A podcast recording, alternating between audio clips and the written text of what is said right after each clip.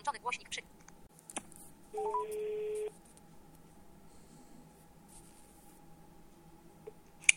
Halo, słucham, jestem. Mm, halo, y, witam y, w kolejnym odcinku podcastu Historia na Luzie. Dzisiaj jest z nami y, Robert Furtak, organizator Marszu Pamięci z o, o, o, organizator Marszu Pamięci, Marszu Śmierci z Oświęcimia do Wodzisława, Wo, Wodzisławia Śląskiego. Witam. Witam serdecznie, dzień dobry. Y, Dzień dobry. I właśnie tutaj y, z, y, tutaj właśnie z, z Robertem porozmawiamy na temat wspomnianego wyżej Marszu Śmierci. Ja chciałem też podziękować za pozytywną odpowiedź na zaproszenie, za chęć wzięcia udziału w programie.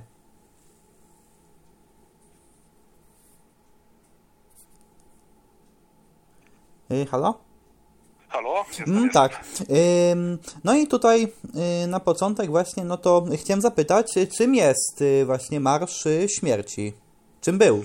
To znaczy, taka sytuacja, która dzieje się pod koniec II wojny światowej, y, ma wpływ na y, to wydarzenie, które z czasem zaczęto określać Marszem Śmierci. Chodziło oczywiście o ewakuację obozów koncentracyjnych, czyli ewakuację z punktu widzenia Niemców, y, więźniów przetrzymywanych w obozach koncentra- koncentracyjnych, obozach zagłady na terenie ziem wcielonych do y, III Rzeszy, czyli na terenie państwa niemieckiego ówczesnego. No i wiadomo, że początek roku 1945 to jest już moment, w którym e, Niemcy no, praktycznie są pewni, że wojna skończy się dla nich klęską. Wiadomo, że w obozach zagłady, takie jak Oświęcim, inne obozy, które są znane z terenu współczesnej Polski, które w tamtym okresie funkcjonowały na terenie III Rzeszy, na terenie ziem wcielonych do III Rzeszy, na masową skalę mordowano więźniów. E, Wiadomo, cały świat wie o Holokauście, czyli zagładzie narodu żydowskiego, ale ginęli w obozach koncentracyjnych przedstawiciele różnych narodowości. No i Niemcy w dużym stopniu wiedzą, że wojna skończy się dla nich e, klęską, przegraną. Próbowali z jednej strony zacierać ślady, a z drugiej strony jeszcze przewozić czy przeprowadzać ludzi, którzy byli przetrzymywani na, tych, na terenie naszych ziem e, ówcześnie pod okupacją niemiecką.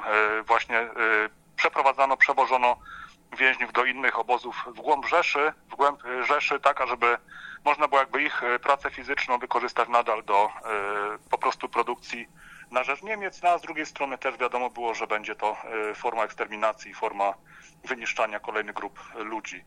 Z czasem, kiedy te marsze ewakuacyjne, wiadomo, opinia publiczna dowiedziała się o tym, co się działo, opinia publiczna wiedziała o tym, że wszystkie te marsze, te transporty więźniów przyniosły ofiary na trasie, ale też później dalsze ofiary właśnie w nowych miejscach e, odosobnienia, miejscach, gdzie, gdzie poddawano tych ludzi e, dalej wyniszczającej pracy ze względu na ilość ofiar. E, Taka nazwa się pojawiła, czyli marsze śmierci są to marsze z punktu widzenia Niemiec ewakuacyjne, które miały za zadanie przetransportowanie więźniów do innych obozów w głąb III Rzeszy z terenu współczesnej Polski, a z drugiej strony chodziło tak naprawdę o przygotowanie sobie na ostatnie miesiące wojny taniej siły roboczej w wykonaniu e, właśnie jeńców, którzy jeszcze do tej pory funkcjonowali, żyli ich pracę można było wykorzystać. Tak to wygląda, myślę, w skrócie. A w jakim czasie miał miejsce y, Marsz y, Śmierci właśnie z Oświęcimia do Wodzisławia Śląskiego? To jest chyba ta najbardziej znana e, w historiografii i w ogóle w mentalności e, mieszkańców nie tylko naszego kraju, ale Europy i świata e, sytuacja, czy ten symbol jakby. Marsz Śmierci z Oświęcimia do Wojsławia Śląskiego to mniej więcej e, 6-7 dni. E, Są dowody na to, że w dniu 17 stycznia 1945 roku e, Niemcy po pierwsze zaczęli niszczyć dokumenty, zaczęli niszczyć dowody e, na to, co działo się tak naprawdę na terenie KL Auschwitz-Birkenau, a z drugiej strony przygotowano już do transportu właśnie pierwsze grupy więźniów. I tak naprawdę, jeśli przyjrzeć się danym, które udało się pozyskać historykom, e, transport więźniów, ewakuacja więźniów z obozu KL Auschwitz, ale też wszystkich podobozów, e, Birkenau i wszystkich mniejszych nawet podobozów, e, to okres mniej więcej od 17 do 23 stycznia. Ewakuacja przebiegała w taki sposób, że prowadzono więźniów, pędzono więźniów właściwie w dwóch takich głównych kierunkach. Jeden kierunek to właśnie e, marsz w stronę Władysławia, ale tu jest też taka sytuacja, że od e, miejscowości Pszczyna rozdzielano więźniów na dwa szlaki, na dwie trasy. Jedna wiodła przez e, Jastrzębie do Władysławia, a druga wiodła przez Żory, Świerklany, Marklowice też do Władysławia. Inna trasa to była trasa, która e, wiodła na Gliwice, to była trasa, która prowadziła przez Bieruń, ale akurat e, ja myślę, że dzisiaj e, skupimy się na tym marszu właśnie do Władysławia Śląskiego, bo od kilkunastu lat tak naprawdę w formie tak zwanego Marszu Pamięci upamiętniamy to wydarzenie, które dotyczyło właśnie naszej ziemi władysławskiej. Także myślę, że głównie o tym będziemy rozmawiali. Mm, tak, i też chciałem zapytać y, właśnie, ile było y, ofiar y, Marszu Śmierci? Ile osób brało udział, tak? Ile osób mm, pędzono? Tak, tak. To znaczy historycy szacują, że wszystkich więźniów, których wyprowadzono z Oświęcimia i pod obozu w Oświęcimie było około 56 tysięcy. No i po pierwsze, już w trasie marszu, w trasie tego przemarszu ludzie umierali, ludzie ginęli. Do tego jeszcze trzeba dołożyć sytuację, w której na trasach kolejowych tak naprawdę ludzie też tracili życie. Mówi się o tym, że z tych 56 tysięcy osób, które wyprowadzono z Auschwitz i z podobozów KL Auschwitz, zginęło około 15 tysięcy ludzi na trasach e, ewakuacyjnych, czyli trasach Marszu Śmierci. A co stało się, jakie były losy oprawców tutaj właśnie?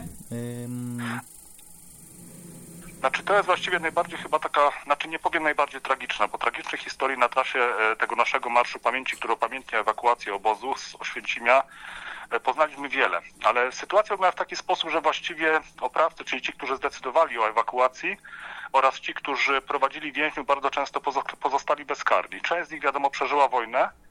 E, nie wszyscy praktycznie byli, byli właściwie do rozpoznania, bo bardzo często byli to zwyczajnie sesmani, Gdzieś tam w literaturze pojawia się nawet informacja o tym, że e, młodzi ludzie, którzy e, w ramach jakby Hitlerjugend e, funkcjonowali nawet na terenie właśnie tego naszego obszaru, na którym żyjemy, bo ja jestem z terenu powiatu wolisowskiego, ci ludzie byli osobami, które odpowiadały za transport więźniów. W większości wypadków ci no, szeregowi, SS-mani, Niemcy, którzy prowadzili, plus ewentualnie zdarzały się przypadki, że jacyś blokowi, kapo też byli odpowiedzialni za przeprowadzenie kolumny więźniów. Ci ludzie albo przeżyli wojnę, nie wszyscy zostali rozpoznani, nie wszyscy byli e, poddani jakiejkolwiek karze, no albo po prostu też później zginęli, bo wiadomo, że ginęli więźniowie.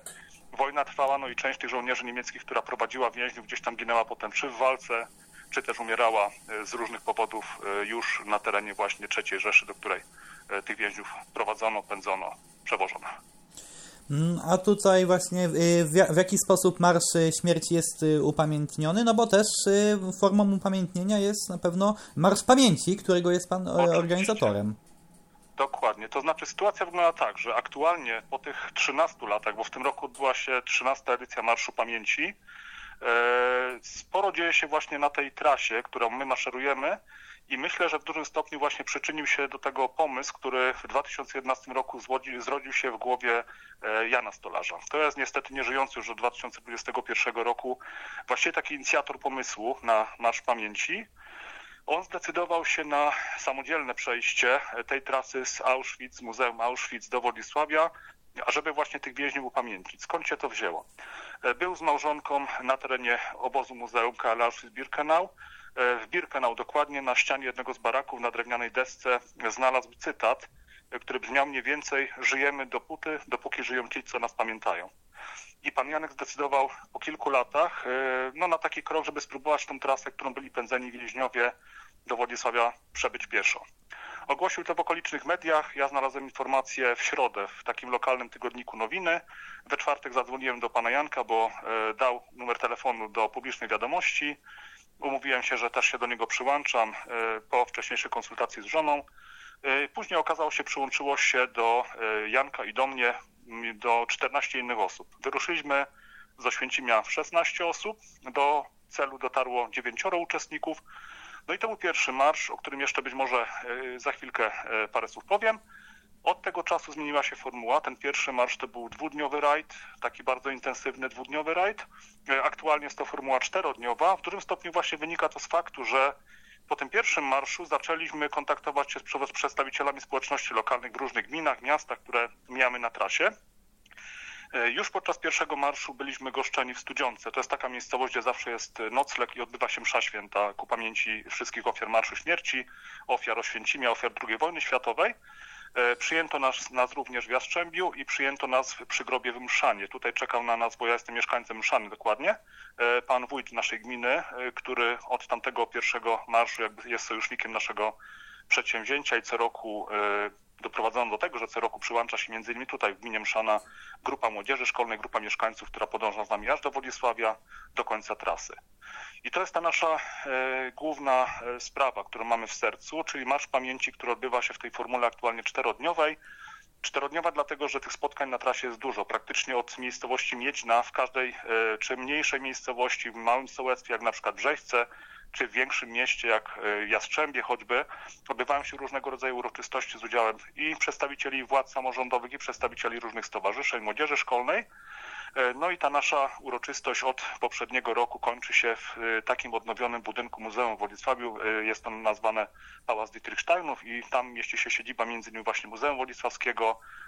Duża uroczystość na koniec. W tym roku też byliśmy tam poproszeni Jeden z e, naszych sojuszników przedstawia tam też wystawę na temat obozów Grozrozen, z tego względu, że między innymi z Jaworzna w 1945 roku właśnie ponad 3200 więźniów e, przetransportowano szlakiem ponad 180 km właśnie do Grozrozen.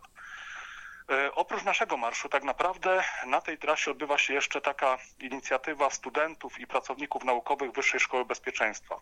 Od czterech lat e, studenci i naukowcy w takim gronie 8-10 osób e, w takim bardzo forsownym marszu przebywają tą trasę w ciągu jednej doby. Oni w tym roku na przykład wyruszyli o pierwszej w nocy z Oświęcimia, około godziny 18.30 byli w Władysławiu. I my tak naprawdę na trasie tych ludzi spotykamy, w tym roku udało się nawet spotkać ich na końcu trasy. Byliśmy z nimi na zakończenie tej uroczystości, którą oni organizują. Oni tak naprawdę przebywają tą trasę, no jakby najkrótszą, najkrótszą drogą, czyli idą głównym szlakiem, który prowadzi ze Święcimia do Wolisławia. Nie zatrzymują się na większości cmentarzy czy przy pomnikach. My mamy takie założenie, że oprócz tego, że tą trasę staramy się przebyć pieszo w całości, zatrzymujemy się przy każdym grobie, przy każdym pomniku, przy każdej tablicy pamiątkowej, ażeby tak naprawdę w formie krótkiej modlitwy, krótkiej refleksji właśnie uczcić pamięć więźniów. I to są takie te dwie główne E, jakby inicjatywy, które dotyczą całości szlaku. No a wiadomo, że oprócz tego przedstawiciele samorządu od e, powiatu pszczyńskiego e, do powiatu wodisławskiego również organizują takie jakby swoje uroczystości. No i właśnie one są bardzo często połączone z tym naszym Marszem Pamięci, który po raz 13 w tym roku udało się zorganizować. No i chciałem zapytać, czy chciałbyś jeszcze coś dodać? To znaczy, y, myślę, że chodzi o to, że bardzo się cieszę właśnie, bo może parę słów na temat właśnie pana Janka Stolarza. Skąd ta inicjatywa tak dokładnie i dlaczego to było dla niego tak, takie ważne? Właśnie ten pierwszy Marsz Pamięci, rok 2012, y, Janek y, prosił mnie, bo byłem wtedy pracownikiem szkoły podstawowej w Rybniku, ażeby można było właśnie w mojej szkole, w tym miejscu, w którym wcześniej pracowałem, byłem nauczycielem historii, E, zorganizować takie spotkanie organizacyjne. E, no i udało się oczywiście uzyskać zgodę dyrektora szkoły, nie było z tym żadnego problemu. Spotkała się grupa około 10 osób, która potem wyruszyła na trasę. I pierwsze założenie było takie, że właśnie idziemy naraz, czyli jakby e, pokonujemy tą trasę w całości. Janek liczył, że będzie to około 25-6 godzin marszu, bo to jest 63 km linii jakby prostej, czyli ta najkrótsza trasa głównym szlakiem, no ale trzeba było jeszcze dołożyć właśnie odejście od głównego szlaku na cmentarze w okolice grobów, pomników, które mieszczą się dalej od głównych dróg. E, no i zasugerowano, żeby jednak gdzieś zrobić jakąś przerwę. Początkowo była opcja właśnie, żeby w Studziące zrobić przerwę taką jednogodzinną, dwugodzinną, żeby można było coś zjeść, napić się ciepłej herbaty, chwilę odpocząć, ale z czasem e, przekonano pomysłodawcę tego pierwszego marszu do tego, żeby e, tą trasę podzielić co najmniej na dwie części i w Studziące zaproponowano nam noclegi. Mieszkańcy w prywatnych domach tak naprawdę goszczą piechurów, którzy biorą udział w Marszu Pamięci do współczesności. Z czasem, to co już mówiłem wcześniej, właśnie ten marsz przerodził się w taką uroczystość, która trwała trzy dni, aktualnie trwa cztery dni, ze względu na dużą ilość spotkań i takich wspólnych uroczystości właśnie przy mogiłach, przy e, pomnikach e, z mieszkańcami okolicy w danych miejscowościach. W tym roku na przykład była taka sytuacja, że w Miedźnej e, to jest takie pierwsze miejsce noclegowe, tam nas zawsze samorząd i społeczność szkolna gości na nocleg w sali gimnastycznej swojej szkoły zorganizowano taką dużą uroczystość z udziałem młodzieży z klas od czwartej do ósmej. E, cała ta grupa młodzieży wzięła udział w takiej akademii, spotkaniu z nami. My też pewne rzeczy im przedstawialiśmy, opowiadaliśmy, a potem e, cała ta grupa młodzieży poszła z nami na cmentarz, ażeby tam w obecności też księdza proboszcza katolickiej parafii z okolicy pomodlić się za osoby, które w tamtym czasie, w roku 45 w styczniu straciły życie. I e, Janek zawsze mówił, że jeśli nawet jedna osoba, która się przyłączy do nas choćby na cmentarzu, zobaczy, że jest jakaś grupa, podejdzie, zapyta o co chodzi, spędzi z nami tą chwilę, pomodli się być może z nami za e, ofiary tamtego tragicznego czasu na naszym terenie, to już będzie sukces, bo ta jedna osoba pomyśli o tych, którzy wtedy oddali życie, którzy wtedy to życie stracili. No wiadomo, że nie z własnej woli. Ważne jest to, że Jankowi bardzo zależało właśnie na tym, żeby młode pokolenie dowiadywało się, wiadomo, osoby starsze, jakby inaczej troszkę podchodzą do kwestii przeszłości i bardzo często interesują się tą przeszłością nieco bardziej. Żyją jeszcze potomkowie, e, czy tych, którzy udzielali pomocy na trasie, bo takich przypadków było wiele. E, żyją potomkowie tych, którzy byli uczestnikami Marszu Śmierci, czy żyją jeszcze, wiadomo, potomkowie więźniów Oświęcimia i innych obozów tutaj na terenie Górnego Śląska dlatego zależało mu na tym, żeby ten marsz rozpropagować. On nie chciał jakiegoś tam medialnego szumu, z drugiej strony sugerowano mu od pierwszego, drugiego marszu, żeby jednak się zwrócić do samorządowców, zwrócić do mediów, bo powiedziano wprost w kilku miejscach, jeśli tylko przejdziecie, zatrzymacie się wy samodzielnie na cmentarzu, zapalicie znicze, pomodlicie się, to mało kto się tak naprawdę zorientuje, że coś większego się dzieje. No i Janek dał się na to namówić, on był takim pomysłodawcą, dlatego on też podejmował tego typu decyzje. Okazało się, że, że to był strzał w dziesiątkę, wydaje mi się, bo samorządowcy, tutaj prezydenci, burmistrzowie, wójtowie mówią, że od momentu, kiedy ten marsz przechodzi e, przez naszą, od Małopolskiej po Śląską ziemię, wiadomo, że też dopinguje to przedstawicieli samorządu, różnych stowarzyszeń historycznych do organizacji uroczystości, dbałości o pomniki, groby itd. Tak no i to rzeczywiście się udaje. Marszem zainteresowały się media, zainteresowały się nawet media zagraniczne. Podczas jednej z edycji towarzyszyła nam e, ekipa niemieckiej telewizji. E, o marszu było głośno w Stanach Zjednoczonych, a w 2020 roku, kiedy Janek, no niestety tak się złożyło po raz ostatni, był uczestnikiem marszu, chociaż też miał już problemy z przejściem całej trasy. Była nawet tutaj do Mszany zaproszona grupa e, przewodników turystycznych, która przywozi młodzież e, z Izraela na wycieczki po Polsce. Teraz jest w związku z sytuacją no jakby geopolityczną trochę utrudniona ta sprawa, ale wtedy grupa właśnie izraelskich przewodników e, wzięła udział w spotkaniu e, z naszą grupą. E, rozmawialiśmy właśnie o tej naszej inicjatywie, o idei i oni z nami pokonali tą trasę właśnie z aż do Władysława Śląskiego, gdzie też zakończono taką dużą uroczystością na budynku też odnowionego dworca kolejowego, czyli tam, gdzie tych ludzi pakowano do wagonów akademią z udziałem pracowników naukowych, osób, które tworzą poezję, tworzą muzykę, która upamiętnia też więźniów. No i rzeczywiście mimo pandemii, bo te dwa lata 2021-2022 e, już po śmierci e, Janka. Znaczy była taka sytuacja, że w 2021 roku podjęliśmy decyzję, nie wolno się gromadzić, ale jedziemy samochodami. Po dwie, trzy osoby w jednym samochodzie. Ta nasza kilkunastoosobowa grupa udała się w tą trasę. Odbyła się msza święta w Studziące. Przejechaliśmy samochodami całą tą trasę. E, podjęliśmy decyzję, że jeśli te obostrzenia pandemiczne e, przestaną obowiązywać, postaramy się, żeby ta inicjatywa wróciła. Janek po tym e, naszym rajdzie samochodowym zmarł dokładnie dnia 5 lutego 2021 roku. Ja podjąłem decyzję, że też tak symbolicznie w hołdzie Jankowi, w hołdzie tym wszystkim, którzy zginęli w trasie, w czasie Marszu Śmierci, przejdę tę trasę samodzielnie, podzieliłem sobie na trzy dni. E, szedłem do Pszczyny pierwszego dnia, drugiego dnia z Pszczyny do Jaszczębia i trzeciego dnia z Jaszczębia do Władysława Śląskiego. Rok później ponownie pojechaliśmy samochodami, a przyłączył się też do mnie kolega z naszej grupy i we dwóch tą trasę pokonaliśmy. E, w 2023 roku e, była decyzja już wcześniejsza, organizujemy marsz w takiej formie, w jakiej on wcześniej był.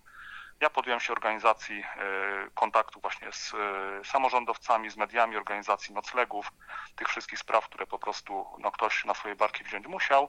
Udało się w zeszłym roku, zrobiło się dość dużo e, szumu w mediach okolicznych na całej trasie. Wiadomo, otrzymaliśmy też nowe kontakty, uzyskaliśmy tak naprawdę nowe jakby takie grupy, różnego rodzaju stowarzyszenia, które chciały stać się sojusznikami tej naszej inicjatywy. W tym roku na jeszcze większą skalę się nam udało ideę rozpropagować. No, przyjechał do e, Władysławia, do Polski na kilkudniowy urlop nasz kolega z Niemiec, który rzeczywiście pojawił się w środę w Władysławiu. W czwartek ruszył na trasę, trasę skończył w niedzielę, już poniedziałek wieczorem był w domu w Niemczech, bo mieszka na stałe od 2011 roku w Niemczech. E, także inicjatywa się udała, to znaczy udało się kontynuować i myślę, że kolejne lata to będzie mm, jeszcze większy rozkwit e, tej inicjatywy.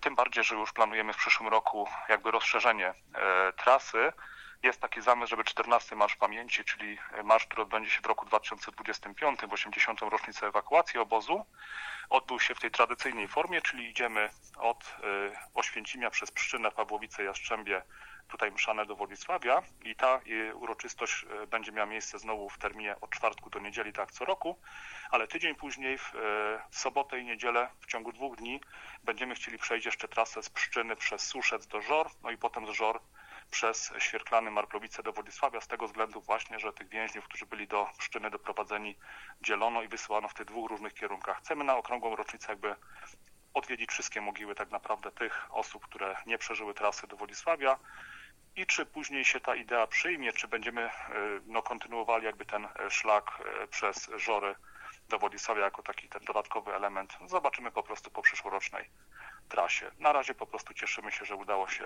te kolejne dwie edycje zorganizować w formie normalnego marszu, czyli ta uroczystość czterodniowa. Planujemy już rocznicę 80. Pojawili się sojusznicy. W naszej grupie są właśnie osoby, które tworzą poezję, także w taki sposób refleksyjny przedstawiam to wydarzenie. Oprócz tego jeden z kolegów, e, kolega Zbyszek Bubak, muzykował e, kilka lat temu w zespole rockowym, który nagrał piosenkę Marsz Śmierci. Zbyszek jest człowiekiem, który napisał słowa do tego utworu, zagrał tam więźnia, który na boso w śniegu na mrozie podążał szlakiem.